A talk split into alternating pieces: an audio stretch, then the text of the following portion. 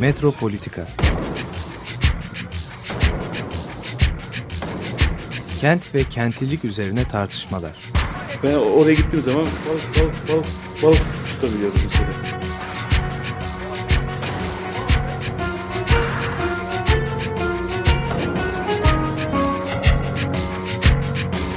Hazırlayıp sunanlar Aysin Türkmen, Korhan Gümüş ve Murat Güvenç. Takusuyor yani. kolay kolay boşaltamadılar. Yani elektrikçiler terk etmedi Perşembe Pazarı.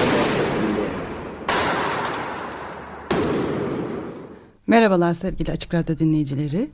Ee, daha önce gözetleme üzerine bir e, program yapmıştık e, ve kentteki e, kamusal hayatı etkileyen bu gözetleme, e, yeni gözetleme teknolojilerini konuşmuştuk. E, bugün e, konuğumuz Sayın Ferda Keskin'le birlikte e, gözetleme teknolojilerinin bireysel hayatları nasıl etkilediği, evlerimizin içindeki varoluşumuzu nasıl yeniden belirlediğini konuşacağız. Ee, Bilgi Üniversitesi e, öğretim görevlisi, felsefeci Ferda Keskin'le birlikteyiz. Hoş geldin Ferda. Hoş bulduk, günaydın.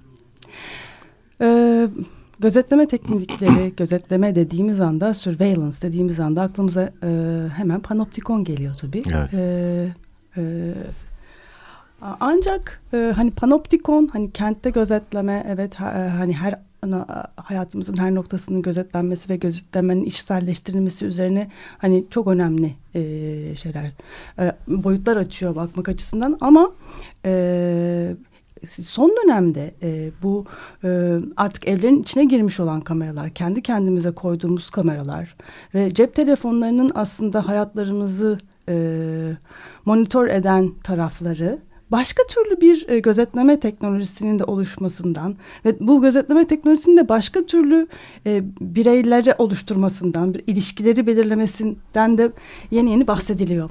E, bugün hani biraz daha bunun hani e, bu gözetlemenin e, daha ince boyutları, daha e, kişisel, bireysel evlerin içindeki boyutları üzerine e, konuşalım diye Hı hı. düşündük.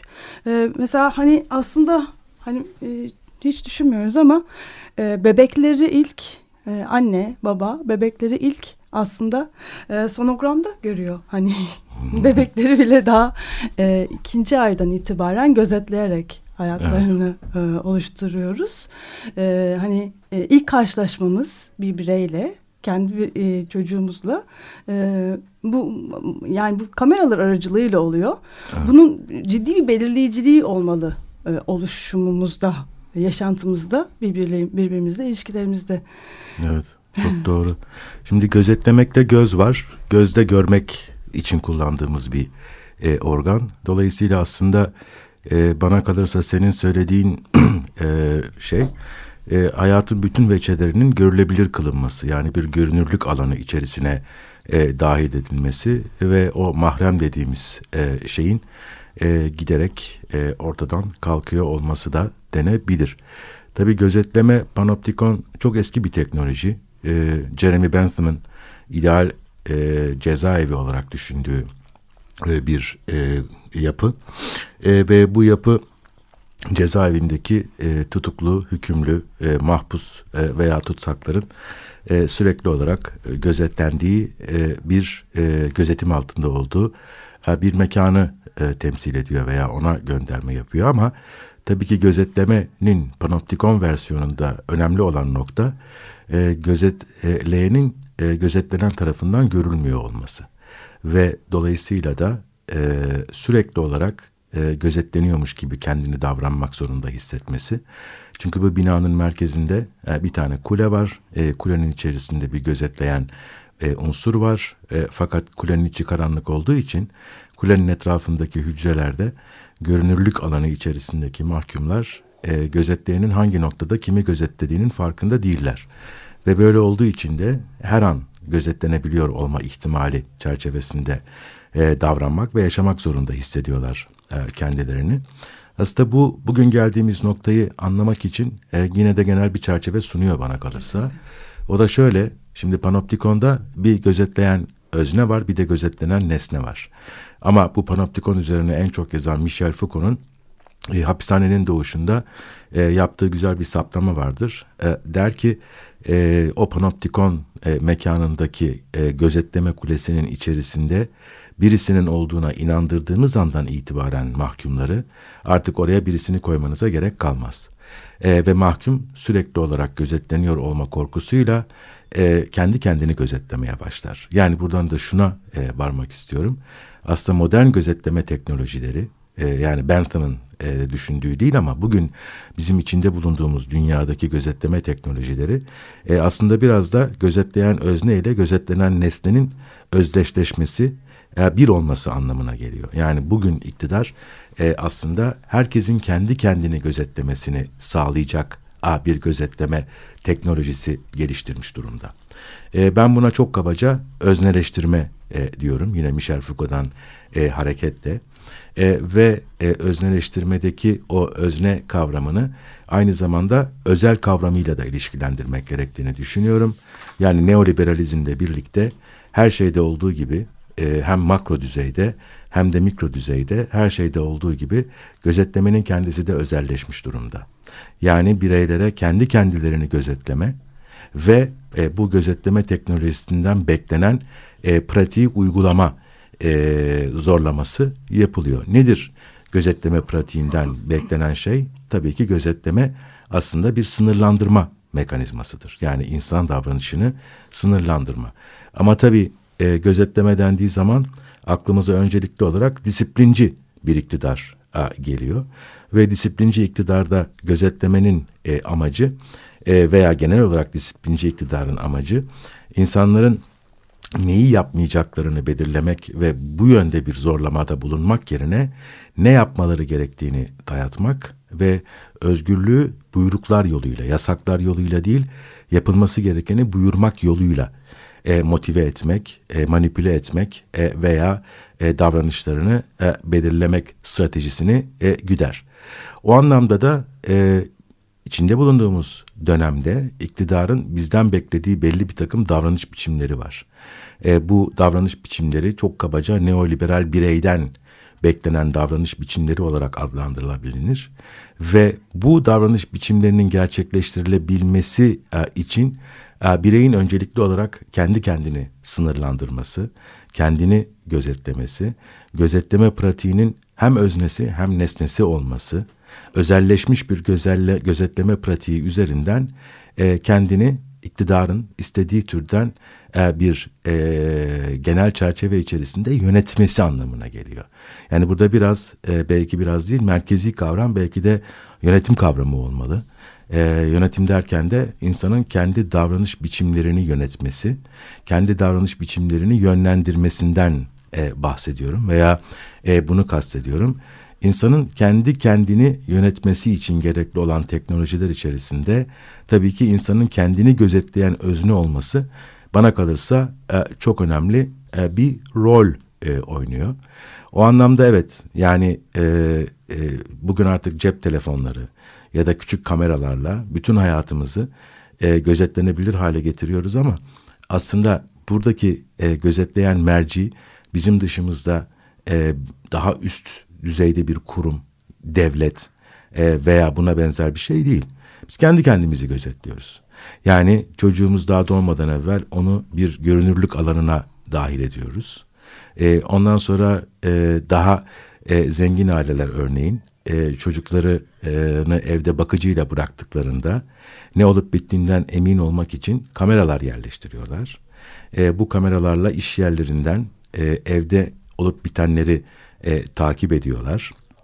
E, ya da e, yine e, cep telefonlarına yükledikleri e, belli bir takım aplikasyonlarla, e, programlarla kendi bedenlerini gözetliyorlar. E, harcadıkları kaloriden e, günde almaları gereken gıda miktarına e, kadar. E, tüm bunlar tabii ki e, çok e, bir e, e, kendilik teknolojisine tekabül ediyor.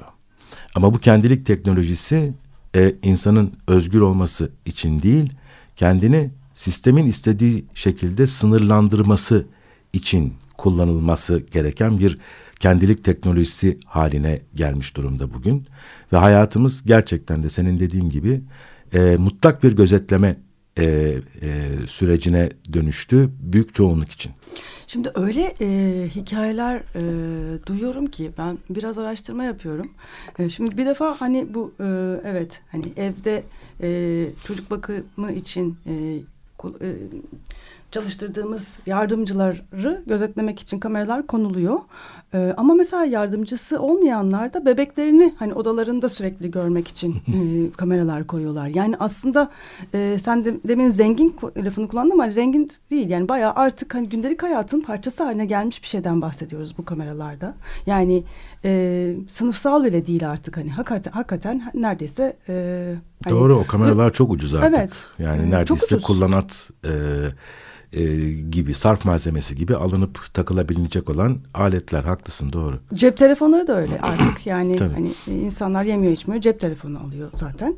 E, bir de bu yani böyle hikayeler var ki yani e, mesela kapanmıyor kameralar. Hani bu kameralar bazen hani böyle özellikle alarm e, şirketlerinin kurduğu kameralar kapanmıyor. Yani e, dolayısıyla aslında e, hani sadece başkalarını gözetlemek değil kendi hayatımızı da gözetlemek zorunda kaldığımız durumlar var. Mesela çünkü hani her anda e, gözetlemediğimiz için kayıt altına alıyoruz ve o kayıtları tekrar seyrediyoruz mesela ve e, hani kapatamadığımız görüntüler de var. Kendi kendimizi de sürekli seyrediyoruz. Kendi kendimizi de sürekli değerlendirmek zorunda da bırakılıyoruz. Yani saf refleksif yani kendi kendini de değerlendirmek, Tabii. düşünmek zorunda kalan başka türlü bir e, hani aslında e, insan oluyoruz bu noktada yani her anımızı her şekilde ve enteresan bir bakış açısından görmek durumunda kalan bireyler e, oluyoruz. Evet. Kendi kendimize hesap vermek için tabii ki. Bu da aslında neoliberalizmin e, modern özne e, tahayyülüne tekabül ediyor. Yani hesap verebilirlik iki anlama gelir. E, işte İngilizce'de mesela e, bu neoliberal literatürde e, hep vurgulanan e, ve hem özel hayatta hem de şirket e, hayatında olmazsa olmaz koşullardan bir tanesi olan accountability kavramı. Şimdi accountability kavramının içinde counting var yani sayma, hesaplama. E, dolayısıyla accountability sadece hesap verebilirlik veya hesap vermekle ilgili bir şey değil. E, aynı zamanda sürekli hesap yapmakla da ilgili olan bir şey ve neoliberal özne hesap yapan e, öznedir. E, ve bu hesabı e, yaptığımız ölçüde aslında kendi kendimizi sürekli bir denetlemeden ziyade önce demet denetlemeden önce e, bir e, değerlendirme e, mekanizmasına tabi tutuyoruz. Yani neredeyse bir performans kriterine dönüşüyor bu.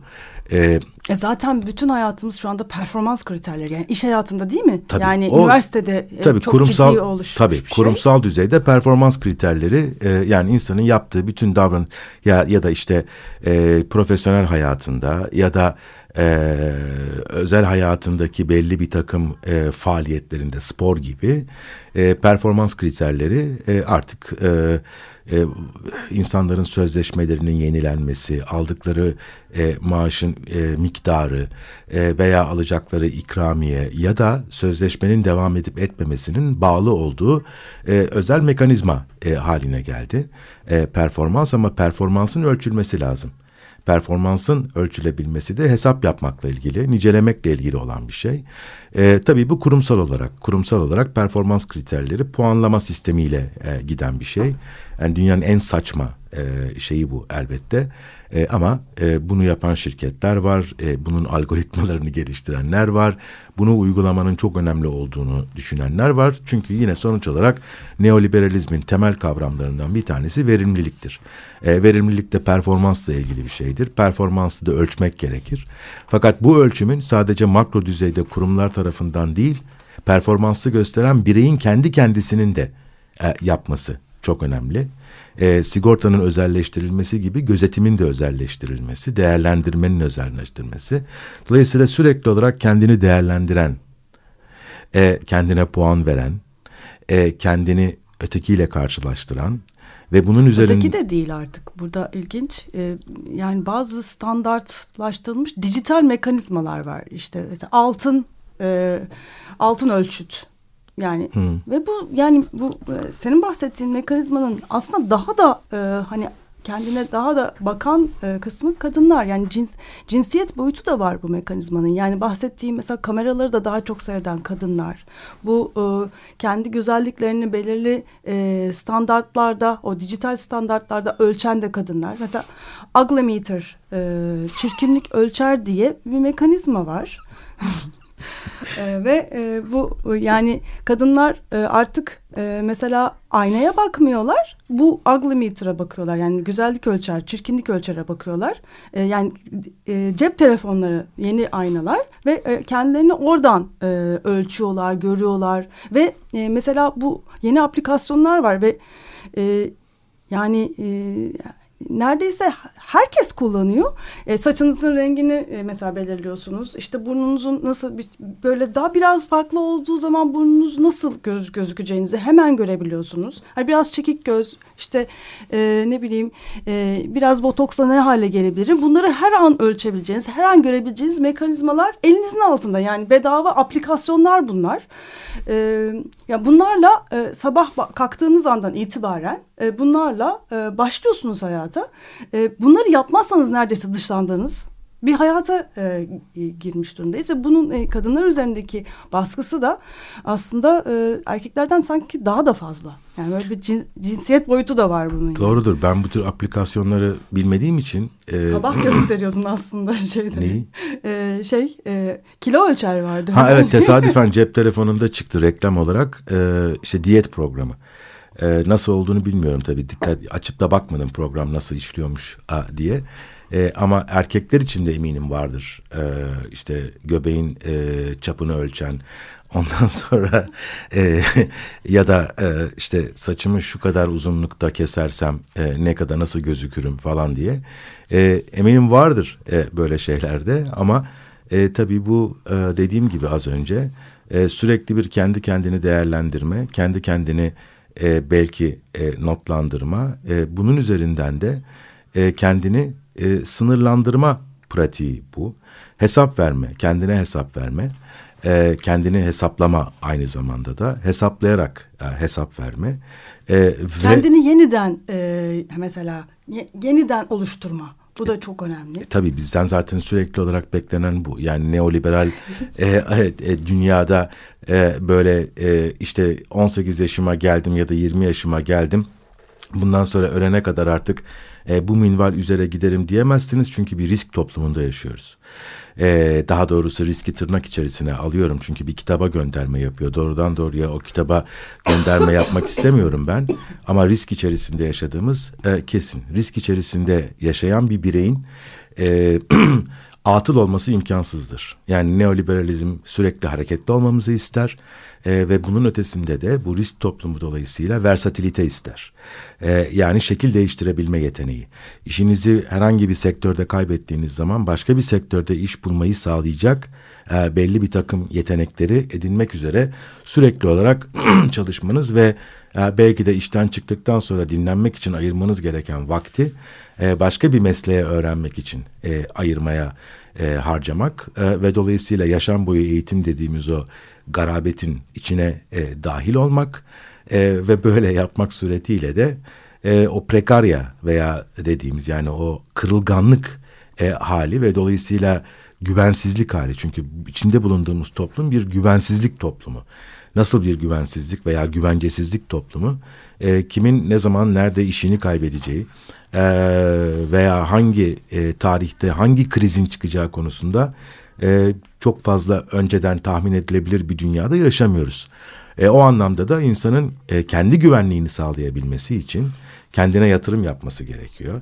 Kendine yatırım yapan özne ise e, atıl kalamaz. Çünkü neoliberalizmin en önemli kavramlarından bir tanesi beşeri sermayedir. İnsan sermayesi. İnsan sermayesi de aslında emek dediğimiz şey bizim sol literatürde. emek dediğimiz şey neoliberalizm için e, insan sermayesidir. Dolayısıyla ücretli emek ilişkisine girmek neoliberalizm için aslında e, bir yatırım yapmak demektir. Yani sermayenizi yatırıma dönüştürmek ve oradan bir gelir beklentisi içine girmek. Bu anlamda da bir şirketsinizdir.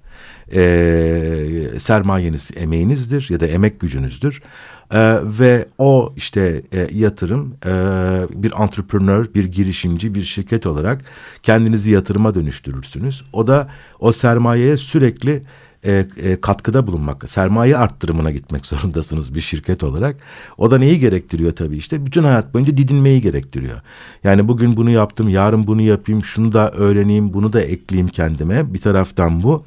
Öbür taraftan da o hayatı yaşanabilir kılmak için ondan haz almak, tırnak içinde haz almak üzere yine e, kendini parçalamak. Tüketime de yönelmek. Tabii, tabii tüketimden alınan haz, e, kendine dönüp bakmaktan alınan haz. E, bunu yapabilmek için e, işte yine e, e, cime gidip, e, spor salonlarına gidip e, kendini, bedenini e, fit hale getirmekten alınan e, haz e, işte aynaya bakarak alınan hazzı telefona, telefona bakarak alınan hazza e, dönüştürmek vesaire. Yani böyle bir girdap içerisindeyiz biz. E, ve bu girdaptan şu anda nasıl çıkılacağı konusunda e, söylenecek çok şey var elbette ama e, bu bir sistem meselesi. Biraz daha hani o girdapın içindeki e, enteresan noktaları belki konuşmaya devam etmek ilginç olabilir. E, şimdi e, vücuttan çok bahsettik. E, bir de bunun psikolojik boyutu da var. E, ama acaba artık psikoloji mi? Yani e, çünkü e, hani terapistler yerine başka e, artık e, danışanlar var. E, danıştı, danış, danışılanlar var. E, bunlar yaşam koçları. Yani art, Veya artık kariyer koçları. Kariyer koçları evet. Yani e, buradaki şey de psikolojinin neredeyse anlamı değişiyor artık. E, psikoloji çünkü şeydi yani e, işte... E, eğer bugün bazı sorunlar yaşıyorsan bu sorunların e, sebebi geçmişindedir. Geçmişini araştırırız, burada neler var bunları ortaya çıkartırız ve bunları çözmeye çalışırız. Şu andaki yaklaşım bundan çok farklı. Artık geçmişin geçmişte olanlar olmuş. diye bakılıyor. Bundan sonra ne yapmamız gerekiyor? Geleceğe Kendimizi bakalım. nereye doğru e, hani hazırlayacağız? Nereye göre planlayacağız? A noktasından B noktasına nasıl geleceğiz? İşte çözüme yönelik e, terapi dediğimiz şey oluyor bu. Artık terapi değil ama terapi ya psikoloji de değil bu yani. Adı hala terapi de. E, işte kısa dönemli terapi deniyor buna. Cognitive Behavioral Therapy. Yani geçmişte etiyoloji aramak yerine yani benim sorunumun e, geçmişteki Kökeni. kökeni. ya da nedeninden e, e, e, nedeni bulmak yerine çözümü bulmak. Çünkü mesela neoliberallerin söylediği mesela bunun önderlerinden bir adam vardır e, Bob Aldry diye. Onun mesela kitabında şöyle bir şey var. Diyor ki e, lastiğin niye patladığını öğrenmek lastiği değiştirmenize yaramaz. Dolayısıyla önemli olan lastiği değiştirmektir. Ve bu anlamda da e, davranış bilimleri diyelim buna. Adını işte psikanaliz, terapi, psikiyatri falan koymayalım. Davranış bilimlerinin amacı e, çözüme yönelik olmalı. E, çözümde nedir? E, işte e, sıkıntı yaratan davranış biçimini değiştirmeye yönelik. Tabii bunlar artık e, zamana da yayılabilecek olan şeyler değiller. Bir sürat çağında yaşıyoruz. Dolayısıyla daraltılması gereken şeyler ve coaching. Şimdi coaching ne için gerekli tabii ki? Performans. Koçluk. Coaching lafı spordan geliyor aslında. Değil mi? Coach e, İngilizce'de antrenör demektir. E, ama mesela İngilizce'de e, müzisyenlerin de koçları vardır. E, yani birebir çalıştırır bir kemancıyı a, ya da bir e, piyanisti. E, ama gündelik hayatta coaching tıpkı şeyde olduğu gibi, sporda olduğu gibi aslında o performansı arttırmaya yönelik olarak e, uygulanan e, bir teknik e, bu. Yani A noktasından B noktasına gelmem için yapmam gerekenleri e, bana e, gösterip sonra benim oraya doğru giderken nabzımı ölçen e, işte e, kaç mesela diyelim sporcuysam değil mi? Nabzını ölçer coach e, alması gereken kalori miktarını e, belirler. E, daha sonra e, testlere sokarak e, kaslarda ne kadar gelişme oldu e, bunlara bakar. Hele bugün mesela futbol falan da böyle oldu tamamen teknolojiyle e, yapılıyor. A, ve e, öz, gündelik hayatta da yani kariyer koçu da ya da işte e, yaşam koçlarının da e, buna benzer bir işlevi var. E, performansı arttırabilmek için e, işte ne yapmamız gerekiyor, nasıl yemek yememiz gerekiyor? Veya e, işte yemek değilse eğer bedensel değilse dediğin gibi psikolojiyse o zaman o psikolojiyi e, bir şekilde e, gerektiği şekilde yönetmek diyeceğim yine e, buna. Hayatını yönetmek, psikolojini yönetmek artık. İşte e, psikolojiyi yönetmek hayatı yönetmek anlamına geliyor bir anlamda artık neredeyse. Tabii. Çünkü insanın pozitif, kendisi... pozitif olman lazım bir de yani mutlaka. E, tabii bu yine- Depresyon yok burada böyle bir şey yok. Tabii bu yine öznellikle ilgili bir şey. Çünkü ben öznelliği şey diye gibi tanıyorum, ta- tanımlıyorum. Hep öyle tanımladım bütün hayatım boyunca. Öznellik aslında insanın kendiyle kurduğu bir bilinç ilişkisidir. Kendiyle bir bilinç ilişkisi kurmak insanın kendi varlığını zihninde temsil etmesidir. Belli kavramlar altında ve e, işte buradaki mesele kendi varlığımızı kendi zihnimizde davranış biçimlerimizi kendi bilincimizde nasıl temsil ediyoruz ve bu temsiliyeti nasıl dönüştürebiliriz bu temsil etme e, sürecini ve e, kendi varlığımızı veya davranışımızı götürmek istediğimiz noktaya nasıl götüreceğiz? Bunun için bize hangi coach nasıl coaching yapabilir, nasıl antrenörlük yapabilir? Bunlar tabii herkesin e, yapabileceği işler değil, para gerektiren e, şeyler elbette. E, ama e, neoliberalizm Aplikasyonları çıkabilir. Ha, Vardır mutlaka. Doğru aplikasyon bak hiç aklıma gelmedi. Ben cep telefonuyla ilişkim sadece yani alo deyip konuşmak bir de WhatsApp'ta birkaç grubun içerisindeyim. Yani bir tanesi liseden sınıf arkadaşlarım. Bir tanesi tuttuğum takımın e, bir küçük yine sınıf sınıf liseden arkadaşlarımın kurduğu grup. Bir de ilkokuldan sınıf arkadaşlarımla olan grubum. Çok dar bir grup içerisinde yaşıyorum. geçmişe yönelik hep. Hep geçmişe yönelik nostaljik bir e, ilişkim var benim e, bu e, iletişim teknolojileriyle. Ama e, zaten yüklemeye çalıştım birkaç defa. Yüklediğim programları da aplikasyonları da kullanamıyorum. Yani oğlum çok daha e, hızlı bir şekilde aplikasyon indirip kullanma becerisine sahip. 7 yaşında da umarım çok fazla kafayı takmaz oraya. İstersen kısa bir müzik arası verelim. Peki. Ee, Incubus'tan dinliyoruz. Ee, güvenlik zamanlarında aşk. Love in a time of surveillance.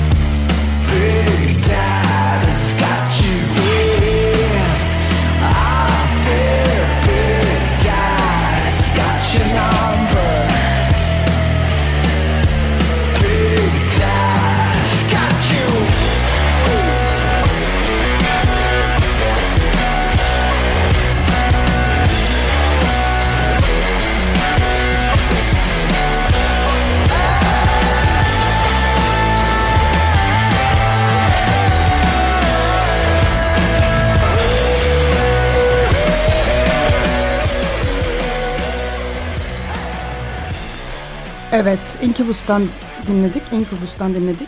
Love in a Time of Surveillance. Ee, gözetleme zamanlarında aşk.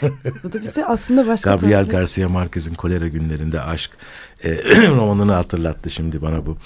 Çok güzel bir romandır. Kolera bitti tabii artık Tabii. gözetleme e, yeni Yeni salgın. yeni salgınımız gözetleme. Ee, şimdi bir yandan hani böyle çok kendine güvenli bir bireyin oluşturulması, kendini oluşturmasından bahsediyoruz ama sürekli kendine güvenen, kendine güvenen güveniyor mu acaba?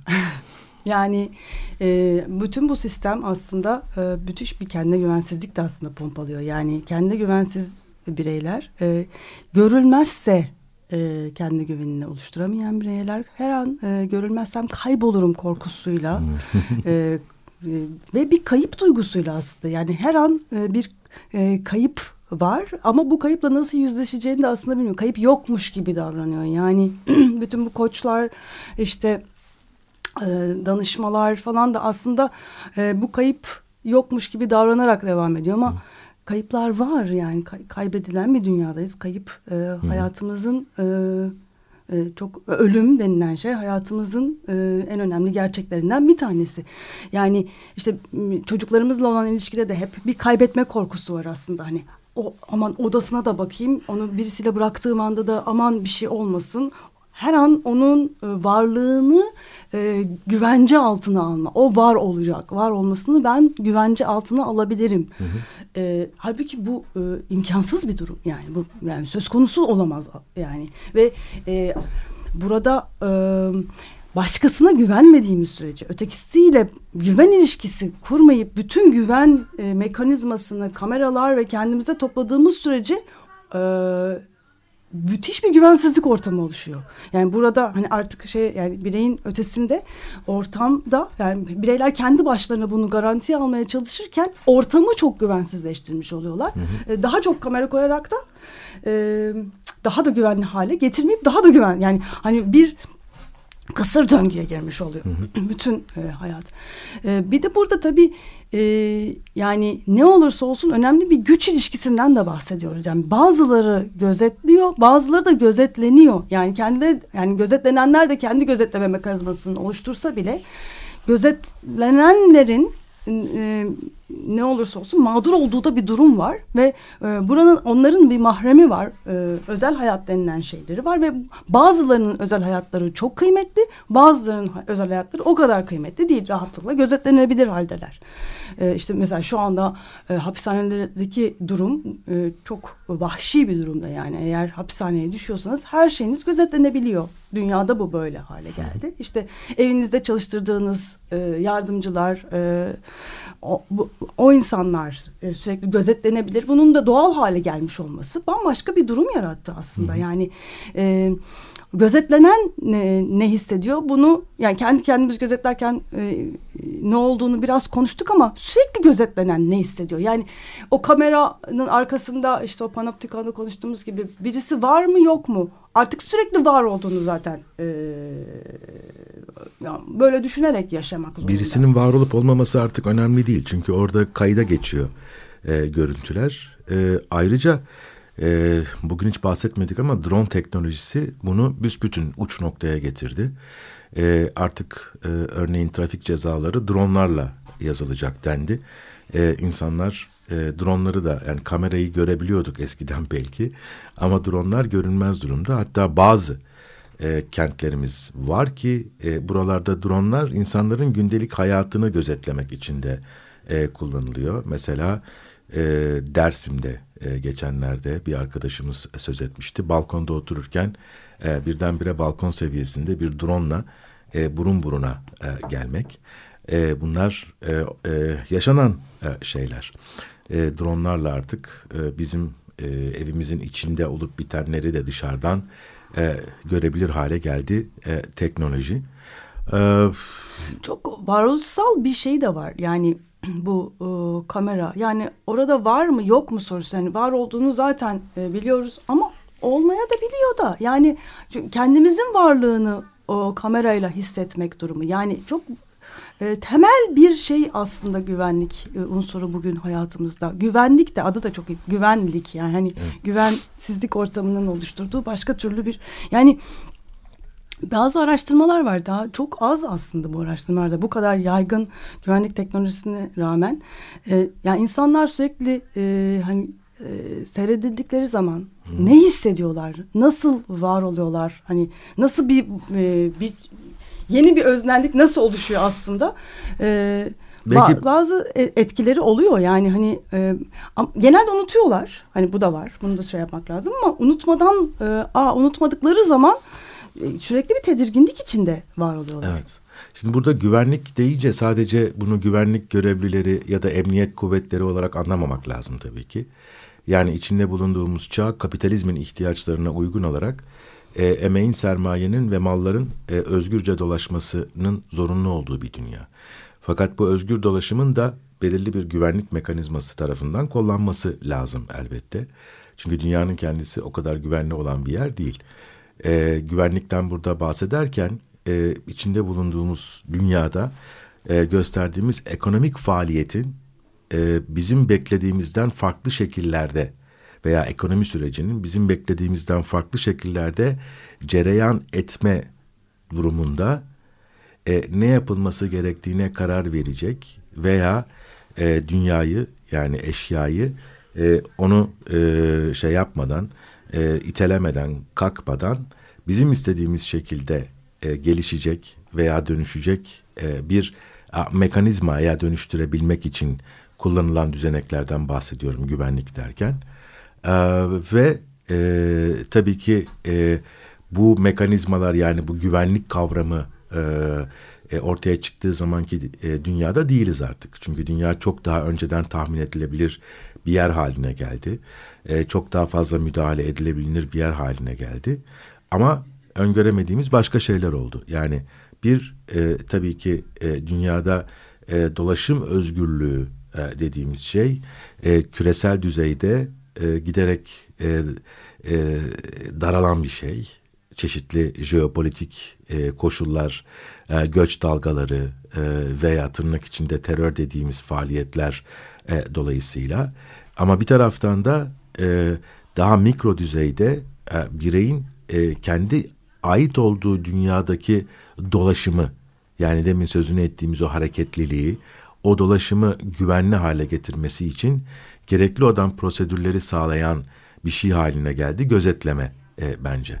O gözetleme e, bir taraftan insanın kendi kendini gözetlemesi elbette ama bir taraftan da e, dışarıdan birilerinin bizi e, gözetliyor olması. Yani bunlar e, e, ikonlaştırılmıştı neredeyse. Biri bizi gözetliyor diye bir program dünyada yıllarca yıktı geçti e, ortalığı. Yani bu sadece bir teşhirciliktir demekle yetinemeyiz. Biri bizi gözetliyor e, gibi bir e, mekanizmayı veya bir fikri, böyle bir program a, fikrini. Bu sadece teşhircilikten ibaret olan bir şey değil. E, e, insanın sürekli olarak kendini gözetlemesi, birilerinin bizi gözetliyor e, olması, kameraların her yerde e, olması, e, dünyanın kendisini belki yeniden kuran bir şey haline geldi e, bana kalırsa. O anlamda bunu tartışmak hakikaten çok önemli. E, zaten e, Mark Andreevich e, iklim krizinden sonraki en önemli meselemizin güvenlik meselesi olduğunu söylüyor. Yani artık hani e, bunun e, hatta sosyal alanda yani fiziksel e, dünyamızla ilgili çok büyük bir sorunumuz var ama sosyal alanda da bu da çok büyük bir sorun e, yani e, iklim krizi kadar sosyal alanda önemli bir sorun bu. Kesinlikle çok önemli olan bir sorun ama mutlaka iklim kriziyle birlikte düşünülmesi gereken bir sorun. Yani sanıyorum senin sözünü ettiğin anlamda güvenlik e, dünyada e, geride bıraktığımız e, işte son birkaç on yılda meydana gelen değişimlerle ilgili. Bunlardan bir tanesi 11 Eylül'dür. E, bir tanesi tabii ki Orta Doğu'da e, süre giden Amerikan veya Batı müdahalesiyle savaşlardır. Afganistan'dan Irak'a kadar e, ve göçtür. İsrail-Filistin İsrail, Filistin e, ve, ve göç. savaşın. E, çok büyük göç e, dalgaları. Bu göç dalgaları sadece Orta Doğu kökenli değil. Uzak Doğu'dan ve Afrika'dan da e, göç var. Şimdi bu krizi yani bütün bu e, güvenlik krizini niye iklimle ilişkilendirmek gerekiyor? E, çünkü bu göçün temel nedenlerinden bir tanesi iklim. E, yani insanlar sadece savaştan kaçtıkları için ya da sadece orada bir ülke var uzakta. Ee, oraya gidersek çocuğumuz daha iyi okullarda okuyacak, daha çok para kazanacağız diye de göç etmiyor. Kimse durup dururken kendi toprağını, doğup büyüdüğü toprağı terk etmek istemez. İster belki ama yani böyle kitlesel halde olmaz e, bu. E, bunun en önemli temellerinden bir tanesi iklim meselesidir. Ama iklim meselesinin bu şekilde cereyan ediyor olması, sorunun ortaya çıkıyor olması da göç edenlerin e, kabahati değil. e, iklim sorununun ortaya çıkması e, işte e, Batı e, kapitalizminin dünyada kaynaklara yaptığı e, yaşamsal kaynaklara e, yaptığı, tarıma yaptığı müdahaleleriyle ilgili olan bir şeydir. Ve bunun mağduru da o müdahalenin yapıldığı coğrafyadaki insandır. Ve o insanlar da e, bir anlamda, bir önemli ölçüde bu iklim problemleri dolayısıyla batıya e, göç etmeye çalışıyorlar. E, ve bir güvenlik krizi çıkıyor. Maalesef bu güvenlik kriziyle birlikte e, önemli bir dönüşüm oldu dünyada. E, o da e, iyi veya kötü küreselleşmenin tam tersi bir trend. O da tekrar ulus devlet sınırlarına geri dönmek ve güvenliği bir tür duvar çekme ya da e, göçmen yasasını değiştirme ve bununla birlikte gelen bir e, yabancı düşmanlığı, xenofobya hatta ırkçılık şeklinde düşünmek. Yani işte bundan birkaç gün evvel e, İngiltere'de seçimler yapıldı ama bu seçimler yapılırken ve yapıldıktan sonraki tartışmaların merkezinde Brexit vardı. Şimdi Brexit İngiltere'nin Avrupa Birliği'nden çıkması. Dolayısıyla nereye geriye dönüyor olması. Ya da Trump'ın Amerika'da başkan seçilmesi ve Meksika ile araya duvar çekeceğim e, demesi. E, işte e, işi tekrar Amerika'ya geri getireceğim. İnsanların Amerika'da para, Amerikalıların Amerika'da para kazanmasını sağlayacağım demesi. Yani o klasik bildiğimiz e, ulus devletle birlikte ortaya çıkan e, bir e, mekanizmanın, e, bir e, coğrafya anlayışının e, ve bir insan anlayışının tekrar yurttaş anlayışının tekrar geriye döndüğünü görüyoruz ki bu çok tehlikeli olan bir şey. Yani bunları hepsini birlikte değerlendirmek lazım bence. E, iklim problemi, göç problemi, göçmen sorunu, e, e, yabancı düşmanlığı, ırkçılık e, ve e, cinsiyet ayrımcılığı. Bunları elbette hepsine birden toplu halde kafadan dalalım demiyorum. E, tabii ki bunların her birinin kendi mevzi mücadele alanları olacaktır. Mücadele mevzileri olacaktır. Tek kendi teknikleri, taktikleri ve stratejileri olacaktır. Ama e, bunun e, bir e, e, büyük bir par şemanın parçası olduğunu da bana kalırsa asla göz ardı etmemek lazım ve o güvenlikle ilgili gözetim problemi gözetim ve gözetleme ve güvenlik. Ee, bir enteresan e, e, aslında film dizisi var. Bu e, bizim bahsettiğimiz gözetleme ile ilgili e, paranormal aktivite filmleri. Beş tane film e, çekildi. E, hatta bir de Tokyo'da yani bunlardan bağımsız olarak bir de Paranormal Aktivite Tokyo diye bir film var. E, bu güvenlik kameralarının ve kayıt görüntülerinin yeni görme, e, bakma ve bilme e, ve varoluş biçimleriyle ilgili aslında enteresan e, bir e, şey sunuyor bu filmler. E, bu filmler e, ilk ilk ilki 15 bin dolara çekilebiliyor ve 200 milyon e, lira e, dolar hasılat yapıyor yani yani inanılır bir şey değil ya bu işte Blair Witch e, Project projesi işte bu, bunlar gibi e, buna, buna benzeyen aslında bir korku filmi tarzı. Bu e, e, suburban e, orta sınıf Amerikan e, evinde e, sadece çekilmiş ve e, el kameralarıyla ve güvenlik kameraları görüntülerinden oluşuyor. E, yani e, o bildiğimiz o e, hani büyük bütçelerle oluşturulmuş setlerden falan bahsetmiyoruz. 15 bin dolar zaten ancak o yapılabilir. Bu bir evde e, işte böyle e, yeni evlenmiş bir çift ilkinden bahsediyorum. E, gayet güzel, hoş yaşarlarken kadının daha önceki hayatında da hissetmiş olduğu bir yaratık e, buna e, bu, bu kadına sarıyor. E, ve e, musallat, musallat oluyor. E, ve e, eşi de ben bunu çözeceğim diye evin her tarafına güvenlik kameraları yerleştiriyor. Ve sürekli geceliğinde açık duran e, kamerada e, işte e, gece uykularını çekiyorlar. Şimdi e, öyle bir korku filmi ki yani öyle seyredenler ya da okuduğum e, hani e, e, şeylerde e, e, filmle ilgili yorumlarda ben böyle korkmadım falan e, deniliyor ama filmde e, hani canavar yok, yaratık yok. Hani gö- gözüken neredeyse hiçbir şey yok. Yani sonunda- korkutacak hiçbir şey yok. Ama bir anda kameralarda mesela bir anda a, ocağın üstünde ateş yanıyor. Ya da bir küçücük gölge geçiyor, kapı kapanıyor. Yani bütün korkutan şey yani o kamerada izlediğimiz görüntülerde bu kadar basit değişiklikler, mini minnacık değişiklikler, beklenmedik değişiklikler tabii anında. Yani bazen e, hakikaten uyurken seyrediyorsunuz, bazen de kameralar geri sarılıyor ve onu seyrediyorsunuz.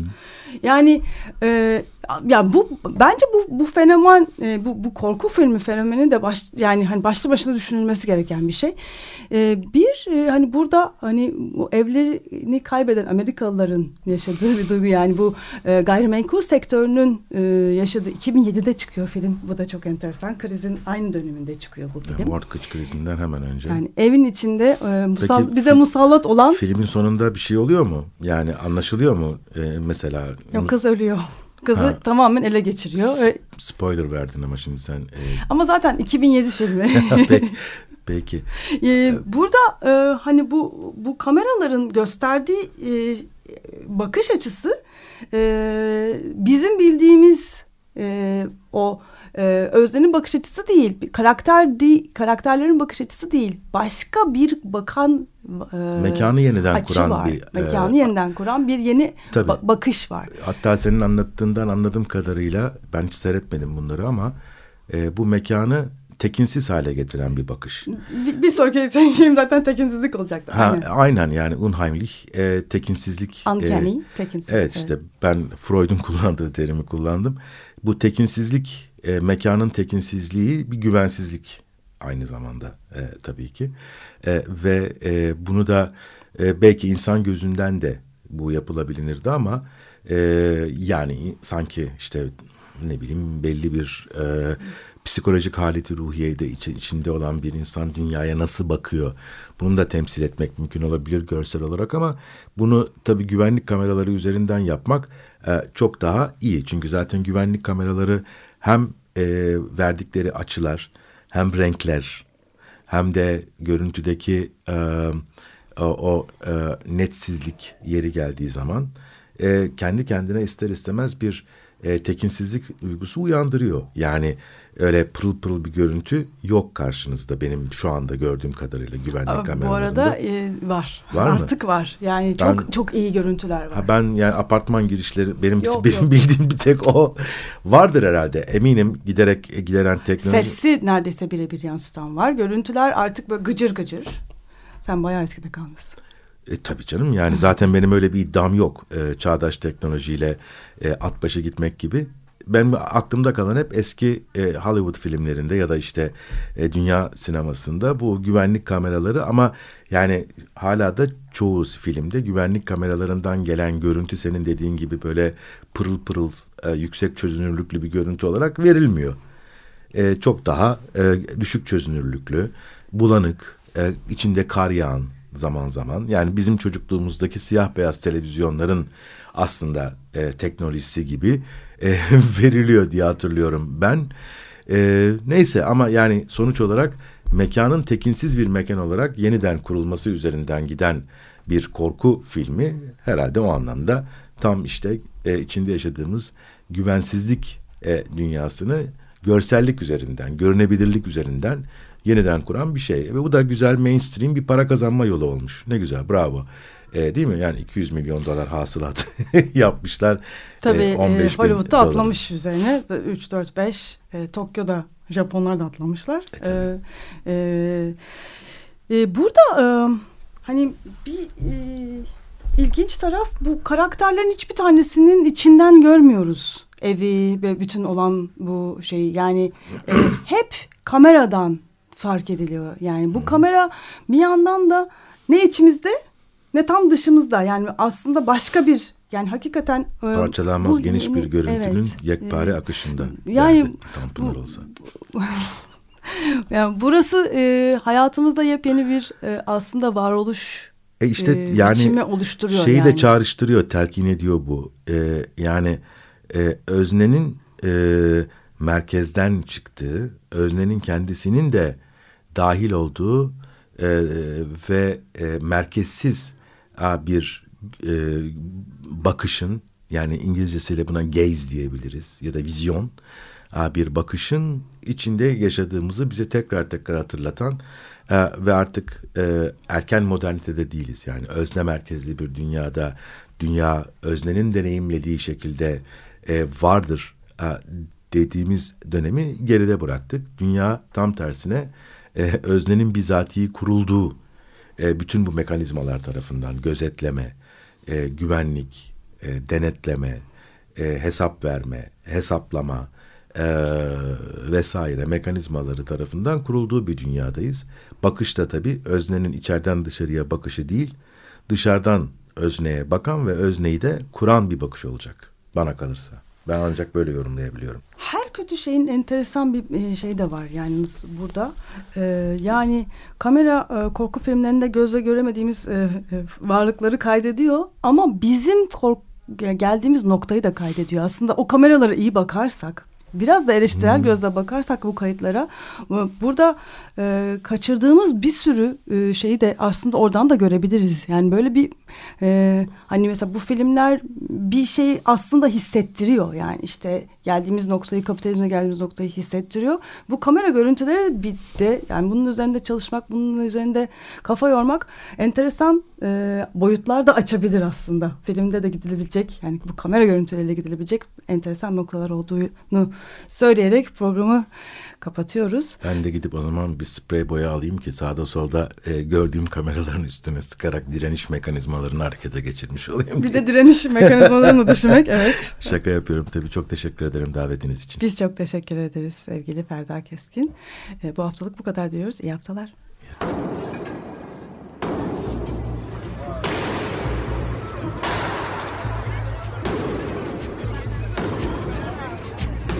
Metropolitika Kent ve kentlilik üzerine tartışmalar. Ben oraya gittiğim zaman balık balık balık balık tutabiliyorum mesela.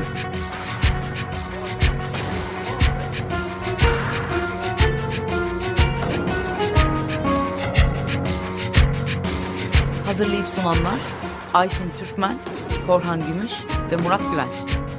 Yani. Kolay kolay boşaltamadı. Yani elektrikçiler terk etmedi Perşembe Pazarı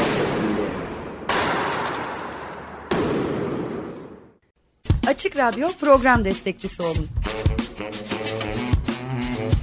Bir veya daha fazla programa destek olmak için 212 alan koduyla 343 41 41